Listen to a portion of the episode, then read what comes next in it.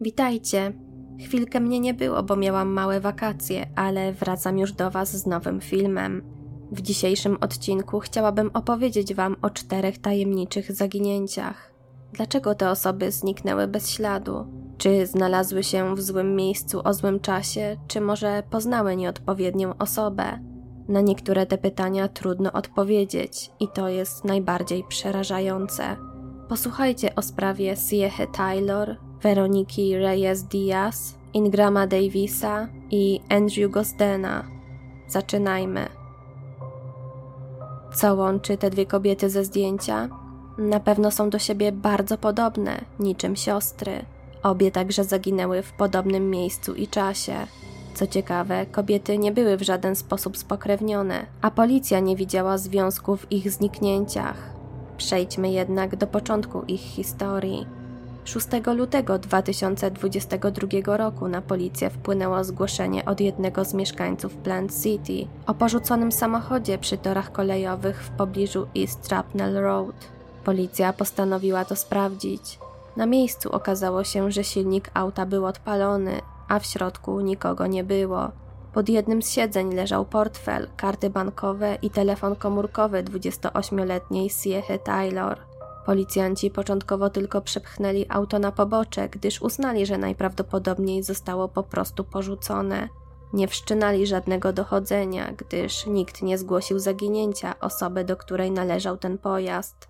Jednak sytuacja szybko się zmieniła, gdy bliscy Siechy dowiedzieli się o porzuconej Toyocie Solaris z 2000 roku. Wtedy zgłosili zaginięcie swojej krewnej na policję. Jak się okazało, była to już trzecia doba od momentu, gdy ostatni raz była widziana.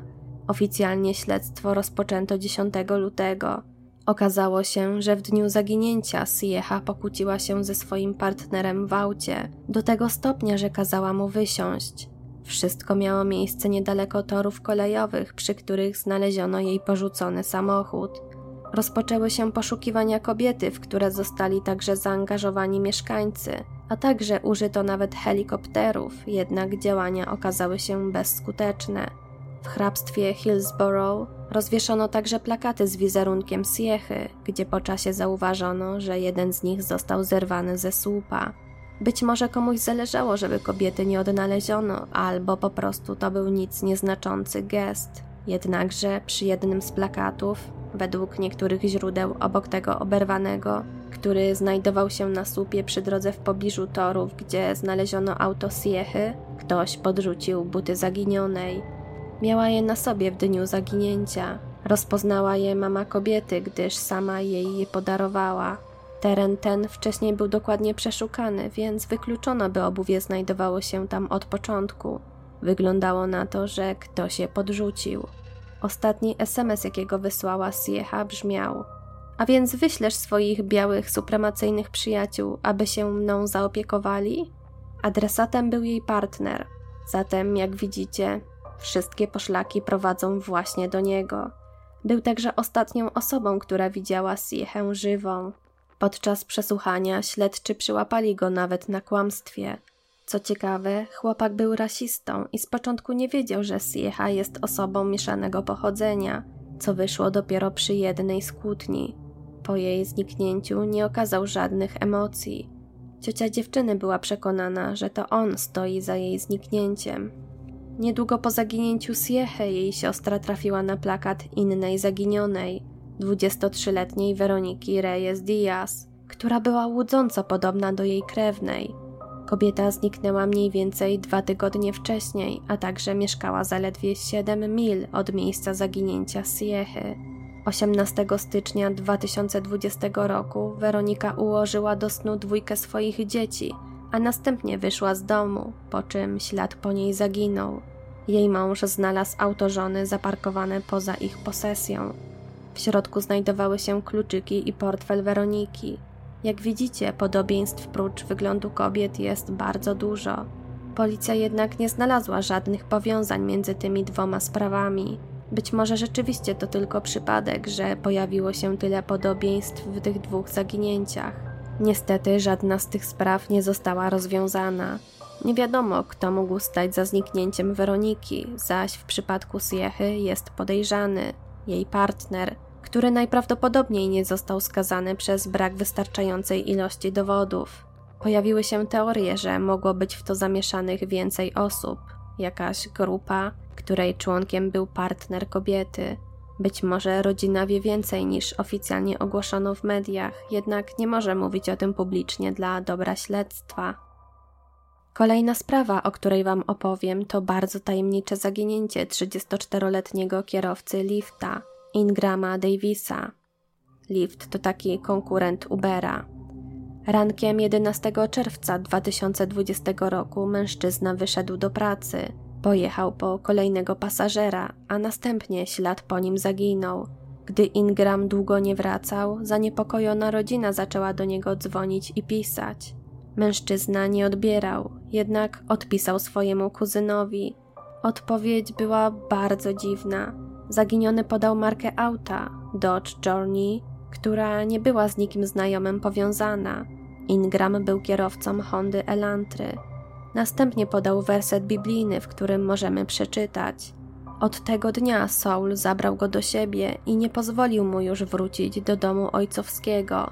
Trzeba przyznać, że ten cytat w takich okolicznościach brzmi przerażająco. Czy rzeczywiście podał go sam Ingram, czy może porywacz? Po tej niepokojącej wiadomości do Ingrama napisała także jego siostra. Zapytała, czy nic mu nie jest i poprosiła o podanie swojego drugiego imienia. Odpowiedź, którą otrzymała, była bardzo podobna. Dodge Journey i kolejny werset biblijny, brzmiący następująco: Jest czas rozdzierania i czas zszywania, jest czas milczenia i czas mówienia. Zaniepokojona mama Ingrama skontaktowała się z firmą Lyft, w której pracował jej syn, by uzyskać dane jego ostatniego klienta, jednak ci odmówili jej ich podania, twierdząc, że mogą ujawnić je jedynie policji. Z kolei mundurowi stwierdzili, że to tylko kilka dziwnych wiadomości, które nic nie znaczą. Mężczyzna mógł po prostu odejść. Według nich nie było żadnych poszlak wskazujących na to, że to porwanie. Zatem sprawa prawdopodobnie utknęła w martwym punkcie, gdyż niestety nie udało mi się znaleźć żadnych świeższych informacji, co stało się z Ingramem. Być może po czasie policja w końcu wszczęła poszukiwania. Ostatnia sprawa, o której dziś opowiem, to zaginięcie 14-letniego Andrew Gosdena, pochodzącego z Anglii, z Doncaster. Był to na co dzień spokojny, lubiący przebywać w domu nastolatek. Był także bardzo zdolny, do tego stopnia, że zakwalifikował się do specjalnego programu Młodzi Zdolni i Utalentowani, który wspierał 5% najlepszych uczniów z całej Wielkiej Brytanii w wieku od 11 do 16 lat. Dodatkowo Andrew miał stuprocentową frekwencję w szkole. Z pewnością czekała go jakaś wyjątkowa kariera. Niestety wkrótce wszystko legło w gruzach. 14 września 2007 roku Andrew miał problem, by wstać rano do szkoły. Był rozdrażniony. Takie zachowanie było dla niego nietypowe. O godzinie 8.05 chłopiec wyszedł do szkoły, jednak zamiast pojechać szkolnym autobusem, zboczył z trasy, usiadł na ławce w parku i odczekał, aż jego rodzina opuści dom. Następnie nastolatek tam wrócił, wrzucił mundurek do prania, przebrał się w normalne ciuchy Zabrał portfel, klucze i PSP, a następnie udał się do bankomatu, z którego wypłacił 200 funtów. Dziwne było to, że nie zabrał z domu 100 funtów w gotówce, które otrzymał na urodziny. Nie zabrał też żadnej bluzy, paszportu ani ładowarki do konsoli, co mogło oznaczać, że zakładał powrót do domu. Kolejnym punktem jego wędrówki był dworzec kolejowy w Doncaster, gdzie kupił bilet do Londynu w jedną stronę. Sprzedawca biletów proponował mu także bilet powrotny, ale Andrew odmówił, co było trochę dziwne. Jednakże chłopiec miał tam rodzinę, więc być może planował u nich niezapowiedziany nocleg. Do pociągu wsiadł o 9.35, a o 11.20 wysiadł na stacji King's Cross, gdyż chwilę potem złapała go jedna z kamer monitoringu. To była niestety ostatnia udokumentowana obserwacja chłopca. Potem ślad po nim zaginął. Nie wiadomo po co tego dnia udał się do Londynu i co tam robił. O godzinie 19 zaniepokojona rodzina zawiadomiła policję i rozpoczęły się poszukiwania. Niestety, Andrew jakby wyparował. sprawa utknęła w martwym punkcie. Pojawiło się kilka teorii, co mogło się z nim stać. Chłopiec uwielbiał serial The Fall and Rise of Reginald Perrin, w którym to bohater upozorował własną śmierć i uciekł, by zacząć wieść nowe życie. Czyżby była to dla nastolatka inspiracja do podobnego działania? Tego nie wiadomo. Andrew interesował się także zabytkami i lubił Londyn. Miał tam rodzinę, więc orientował się w terenie. Być może chciał wybrać się tam na małą wycieczkę, by odetchnąć od nauki i szkoły. Rozważano też, czy nastolatek nie pojechał spotkać się z kimś poznanym w internecie. Wtedy istniałaby opcja, że ten ktoś mógłby go porwać i wyrządzić mu krzywdę. Ta teoria jednak okazała się mało prawdopodobna, gdyż Andrew nie interesował się mediami społecznościowymi i nie posiadał nawet konta mailowego. Nie był zbyt towarzyską osobą. Mimo to śledczy przeszukali domowe komputery, a także te szkolne, jednak niczego niepokojącego na nich nie znaleźli. Co zatem stało się z Andrew Gosdenem? Dlaczego chłopiec nie kupił biletu powrotnego do domu? Może rzeczywiście uciekł i zaczął życie od nowa, jak jego ulubiony bohater. Niestety nikt nie zna odpowiedzi na te pytania do dnia dzisiejszego. To już wszystkie sprawy tajemniczych zaginięć. Miejmy nadzieję, że w końcu zostaną rozwiązane i rodziny poznają odpowiedź na pytanie, co się stało z ich ukochanymi bliskimi. Tego im życzę. Czasem świadkowie czy sami sprawcy zbrodni mają tak duże wyrzuty sumienia, że pękają po latach i przekazują ważne informacje lub przyznają się do winy. Dzięki temu sprawy w końcu zostają rozwiązane. Czasem finał jest szczęśliwszy i okazuje się, że zaginiony bliski po prostu uciekł i rozpoczął nowe życie. Może tak właśnie było z Andrew? Kto wie? Co jakiś czas do rodziny Gosden docierały zgłoszenia, że ktoś podobny do ich krewnego widziany był w Wielkiej Brytanii. Jednak żadne z tych zgłoszeń nie zostało potwierdzone. Rodzina jednak z pewnością do dziś żyje nadzieją. Okej, okay, to już wszystko na dziś. Jeśli odcinek Was zainteresował, będzie mi miło, jeśli zostawicie łapkę w górę.